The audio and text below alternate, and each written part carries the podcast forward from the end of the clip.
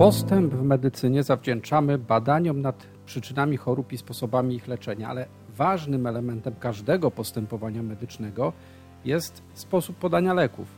O ile aplikacja doustna czy doodbytnicza była i jest prosta w realizacji, o tyle milowym krokiem w poprawieniu skuteczności leczenia było wynalezienie strzykawki i możliwości podawania leków z ominięciem układu pokarmowego.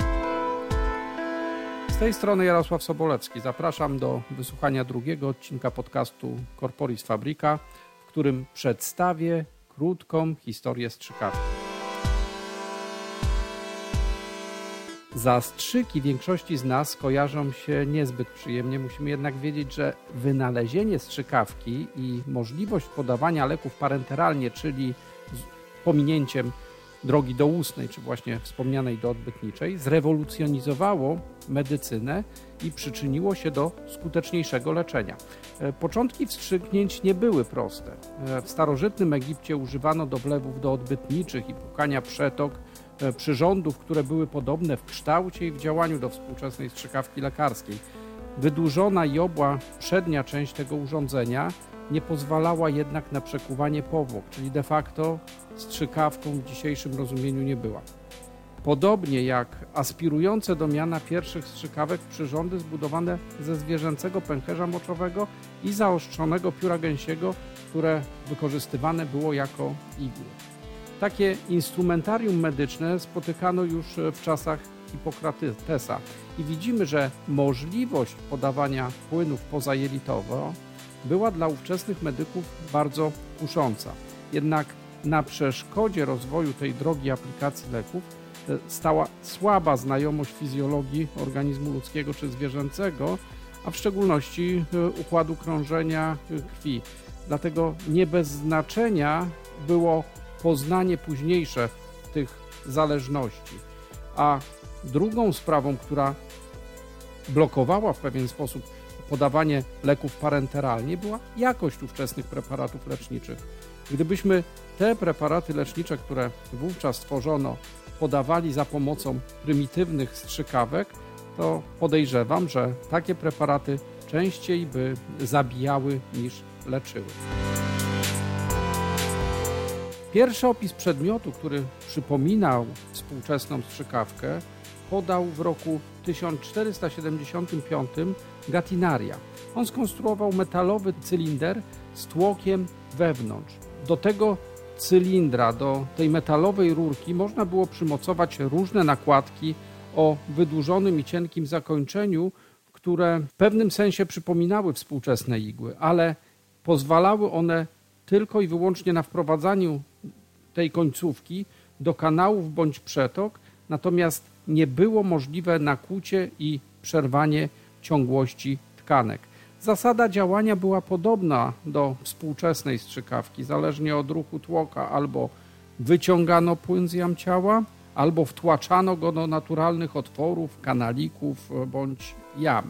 Ponieważ zakończenie, jak wspomniałem, przypominało cienką igłę, można było wprowadzić e, tą igłę czy tą kaniulę do przewodów wyścielonych e, nabłonkiem, a czasem nawet do, do przeciętej żyły. Procedury medyczne ówczesnego świata lekarskiego były bardzo ograniczone.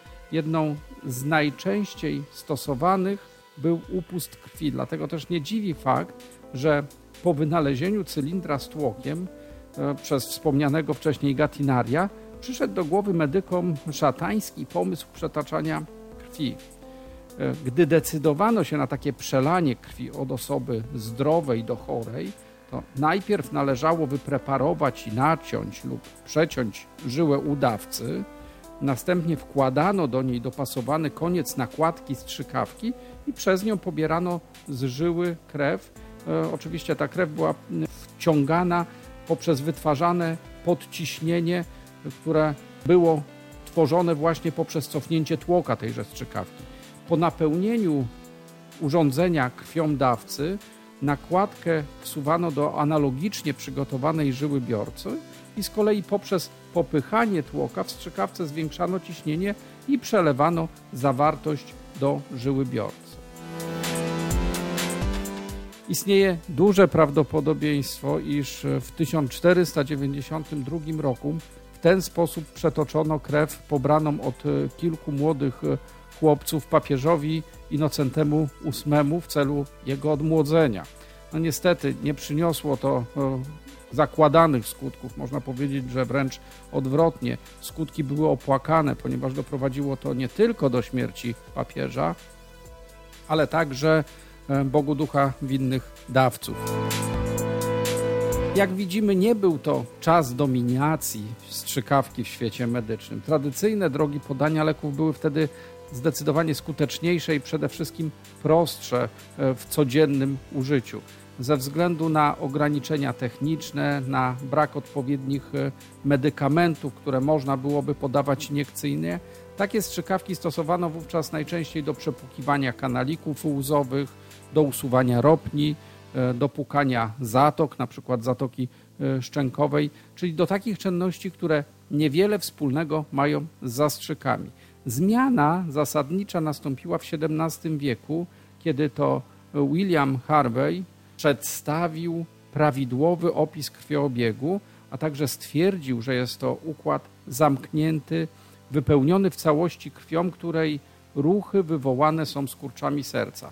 To pozwoliło tak w zasadzie, można powiedzieć, myśleć o zastosowaniu iniekcji jako racjonalnej metody usprawniającej leczenie.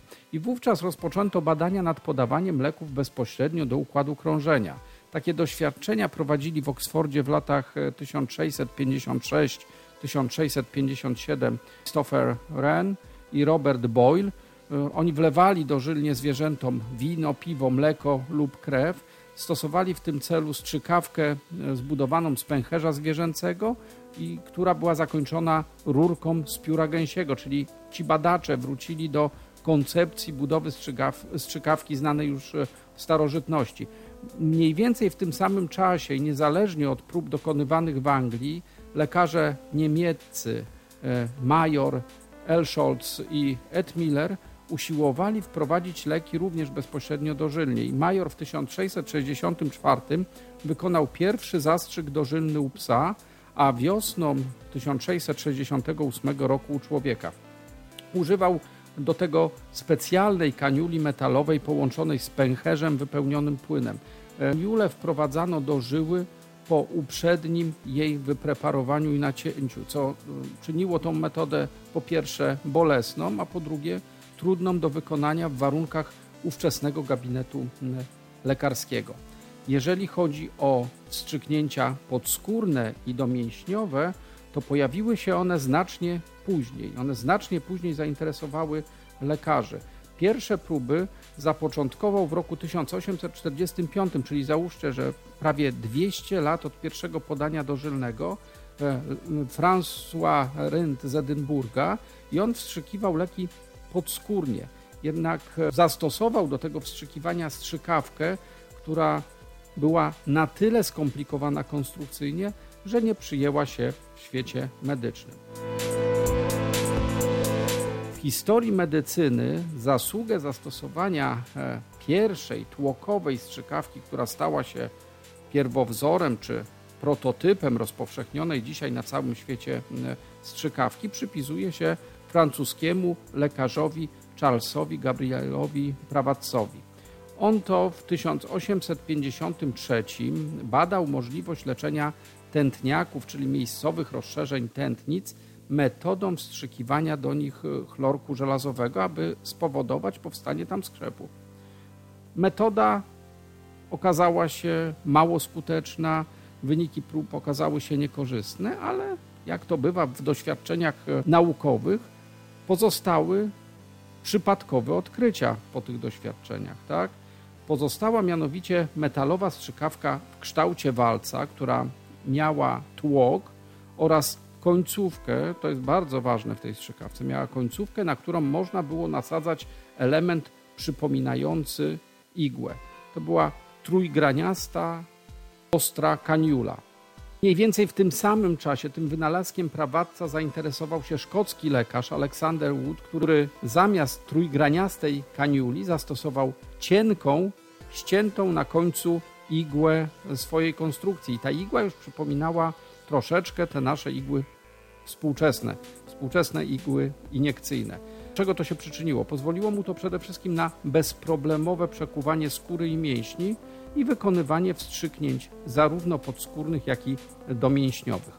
Podobno pierwszą iniekcję za pomocą tak wykonanej igły i strzykawki prawatca wykonano u pacjenta z neuralgią i podano mu podskórnie e, morfinę. Oczywiście, jak zauważyliście, sama strzykawka pozostała e, taka sama, natomiast kluczowym elementem wynalazku była ostra igła pozwalająca na wkłucie podskórne, domięśniowe lub dożylne bez konieczności wypreparowywania naczyń czy nacinania tkanek.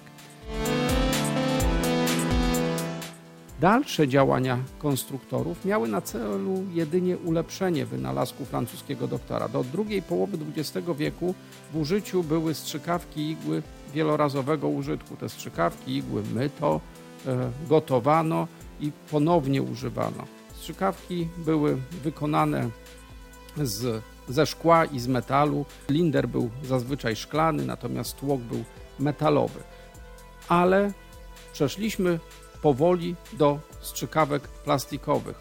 I obecnie królują plastikowe strzykawki jednorazowe. Pierwszy patent na taki sprzęt medyczny uzyskał e, w Stanach Zjednoczonych Arthur Smith w roku 1949, czyli dość dawno temu. Natomiast pierwsze strzykawki jednorazowe e, były wykonane ze szkła. To było e, kilka lat po uzyskaniu tego patentu na strzykawki plastikowe.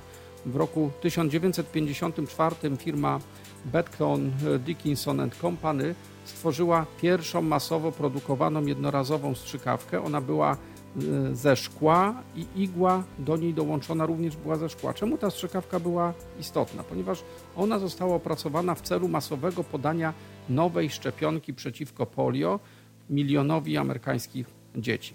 Do lat 70. XX wieku doskonalono te strzykawki jednorazowe, jednoigłowe przyjęły się dwa standardy, rekord i luer. Te standardy związane były ze sposobem mocowania igieł. Później pojawiły się też alternatywy i dla tego sprzętu medycznego. Taką jest mikroigła, którą stworzyli profesor inżynierii chemicznej z Georgia Institute of Technology Mark Proisnitz wraz z inżynierem elektrykiem Markiem Allenem. Składa się ta mikroigła z 400 mikroskopijnych igiełek na bazie krzemu, Każda ma szerokość ludzkiego włosa i przypomina ona plaster nikotynowy, który obecnie pomaga ludziom rzucić palenie. Jego puste w środku igły są tak małe, że każdy lek może być podawany przez skórę bez docierania do komórek nerwowych, które odpowiedzialne są za odczuwanie bólu. Mikroelektronika w urządzeniu natomiast kontroluje czas i dawkę dostarczanego leku. Pomimo tych wynalazków, tradycyjna strzykawka pozostaje nadal najczęściej wykorzystywanym sprzętem medycznym na świecie i tak naprawdę trudno wyobrazić sobie bez niej nowoczesną i współczesną medycynę. Iniekcje są tak powszechnymi procedurami medycznymi, że trudno przyjąć do wiadomości fakt, iż w powszechnej praktyce medycznej są one z nami nie dłużej niż 200 lat. Chcesz wiedzieć więcej o historii medycyny, nie chcesz, aby umknął Ci kolejny odcinek e, podcastu, zasubskrybuj go na swojej ulubionej platformie.